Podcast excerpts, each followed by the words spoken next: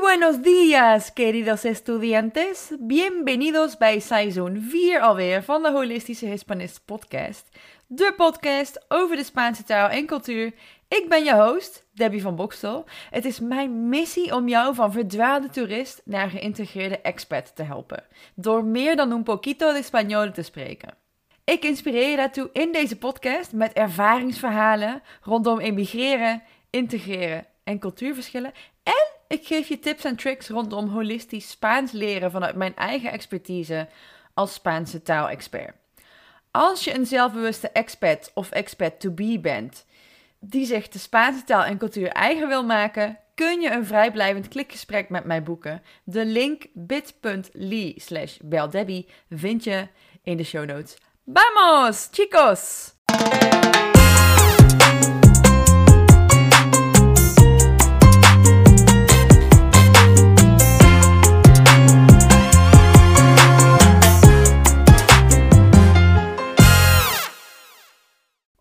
Hola mundo! Ik ben deze week begonnen met een klant, één op één. En een hele tijd heb ik dat niet gedaan. En de laatste tijd krijg ik juist heel veel één op één aanvragen. Waardoor ik binnenkort ook een één op één programma ga lanceren. Ik heb al een aantal mensen die geïnteresseerd zijn. Mocht je interesse hebben, laat het me snel weten. Dan kom ik graag met je in gesprek. Want wie weet zit hij binnen no time vol. Ik heb maar voor een aantal personen plek. Maar die klant, die woont in Costa Rica. Ai, ai, ai. En als ik ergens mijn hart aan verloren heb, dan is het natuurlijk Centraal-Amerika. Die klant had meteen de eerste sessie, ik denk van de 60 minuten, heeft ze 30 minuten in het Spaans met mij gepraat. Nee, uiteraard nog geen volle zinnen. Uh, ik kreeg al uh, reacties van andere klanten van mij die een beetje ontmoedigd raakten. Maar uiteraard, het is een eerste sessie. Maar toch, ik was echt verbaasd over hoe snel dat kan gaan als je in een omgeving zit en als je je vrij genoeg voelt om te oefenen, om te spreken. Dus dat was echt te gek. En daardoor raakte ik eigenlijk geïnspireerd om een gids over het Spaans uit Costa Rica te maken. En al heel lang wil ik dit doen over het Nicaraguaanse Spaans. Heel lang heb ik dat een beetje ja, laten liggen, omdat ik merk dat de meeste van mijn klanten in Spanje zitten.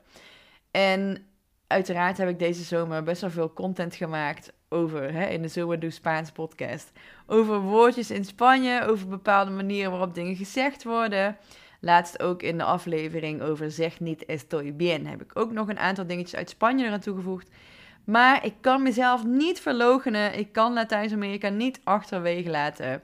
Dus vandaar deze gids over Costa Rica. Dit voelde het juiste moment om hiermee aan de slag te gaan in deze podcast. En Costa Rica is natuurlijk ook een hele populaire vakantiebestemming. Als je naar Latijns-Amerika gaat, de natuur is daar echt prachtig, lieve mensen.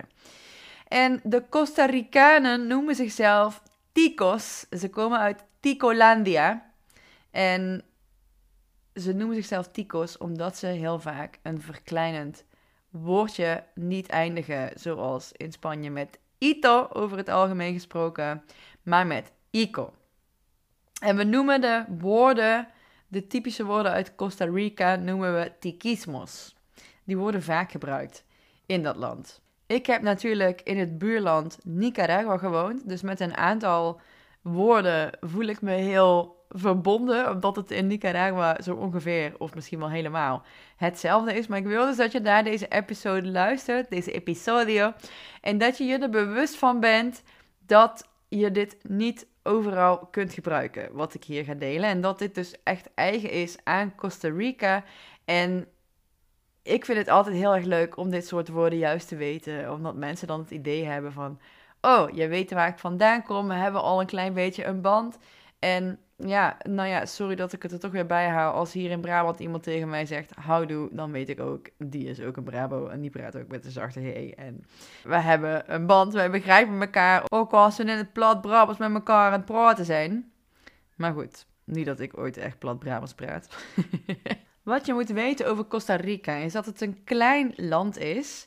En met heel veel verschillende microklimaten. En ook in de spraak, in de accenten die je hoort en de fonetiek, komt dat terug. Dus Guanacaste in het noorden ligt dichtbij Nicaragua, bij buurland. En je hebt ook nog de Caribische kant, Limon, Puerto Viejo, waar de cultuur en de spraak iets meer beïnvloed wordt door het Creools Engels en de Jamaicaanse immigratie die daar gebeurd is.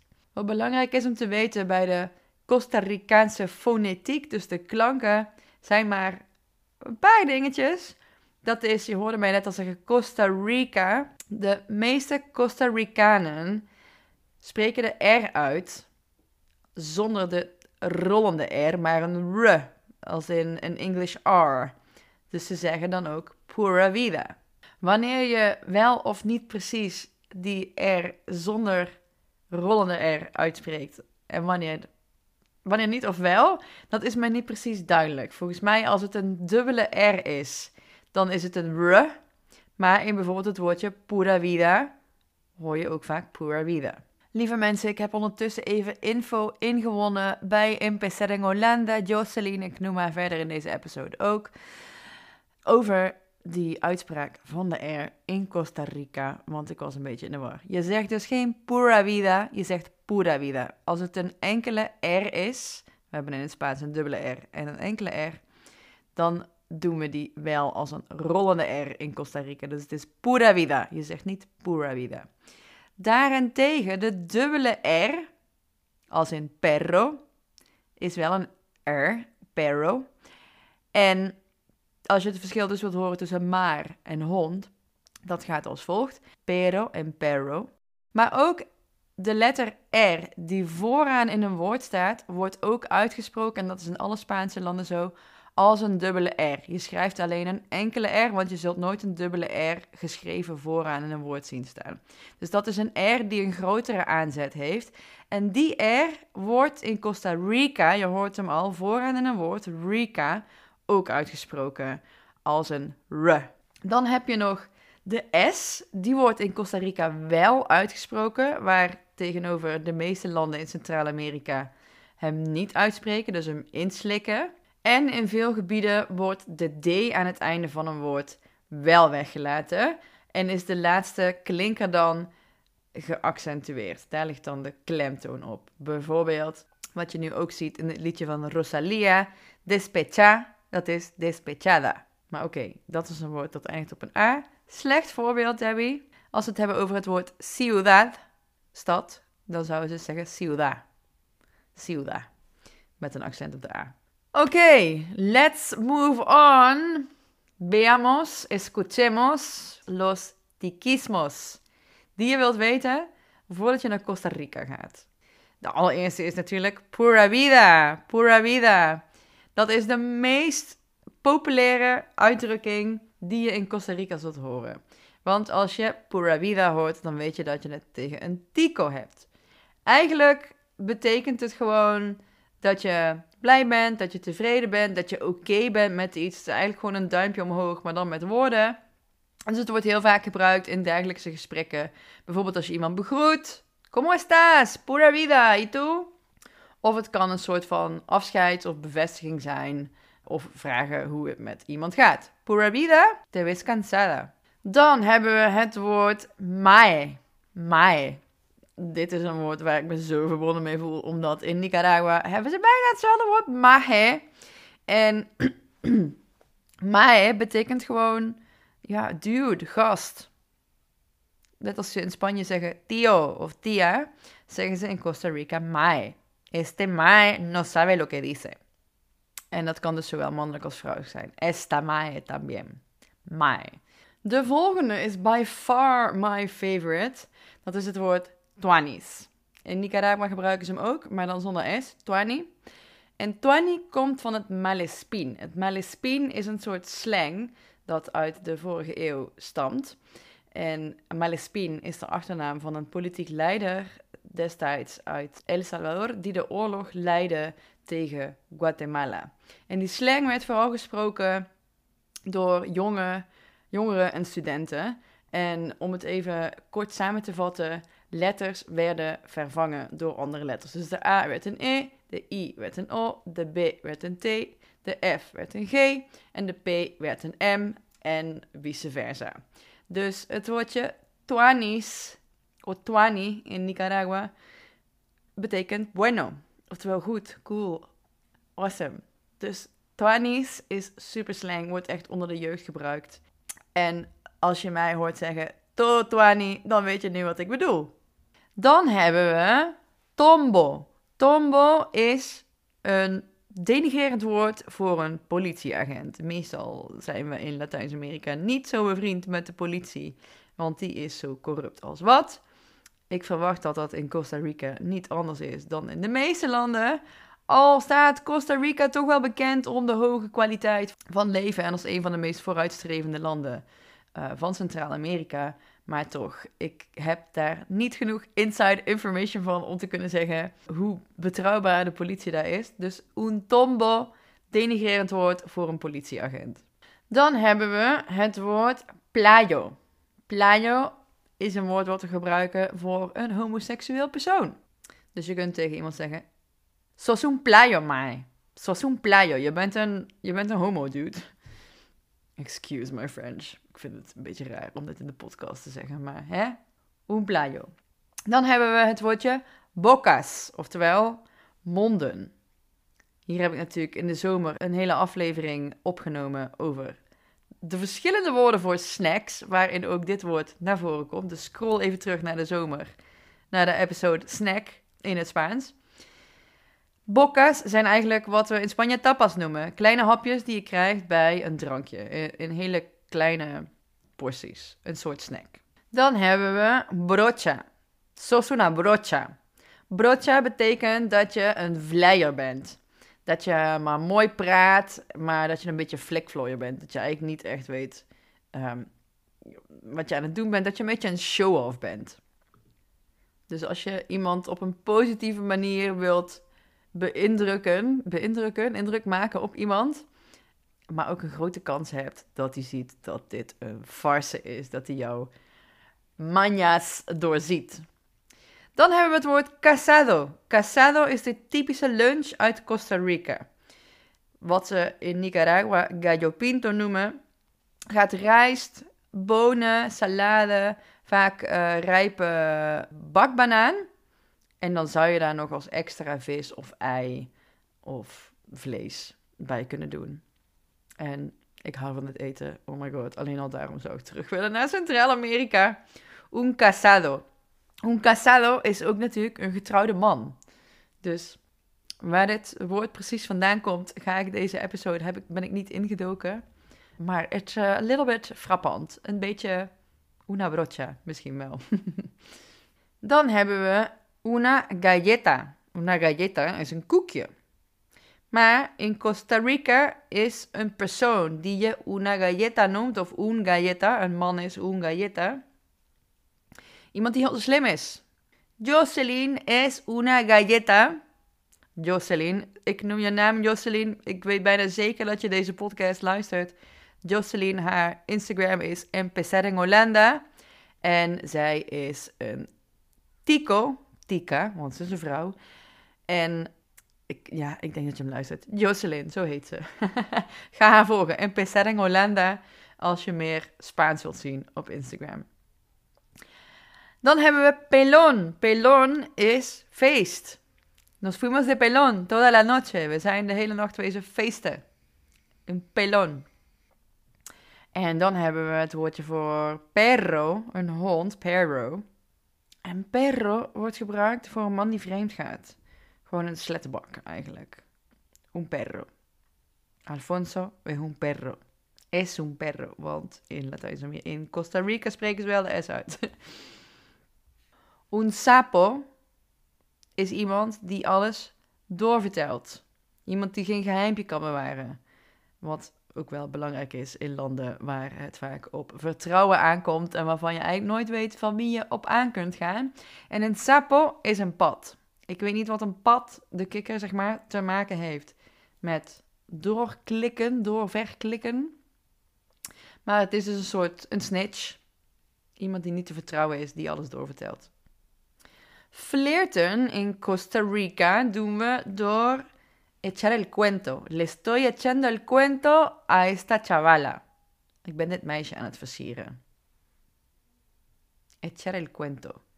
Het verhaal, het sprookje op haar aan het gooien, gieten of zo. Fregar. Oh, deze hebben ze in Nicaragua ook. No fregues. Stop met mij te, te plagen. Plagen, pesten. Ja, niet echt pesten, maar gewoon zoals je onder vrienden doet, zeg maar. En elkaar een beetje. No fregues. Stop. Laat me met rust. Dat is eigenlijk de beste vertaling die ik ervan zou kunnen geven. En dan hebben we nog het woordje cañas. Cañas, daar bestel je in Spanje een biertje mee. Una caña, dos cañas. Maar in Costa Rica zijn cañas colones. Oftewel, dat is de valuta waar ze daarmee betalen.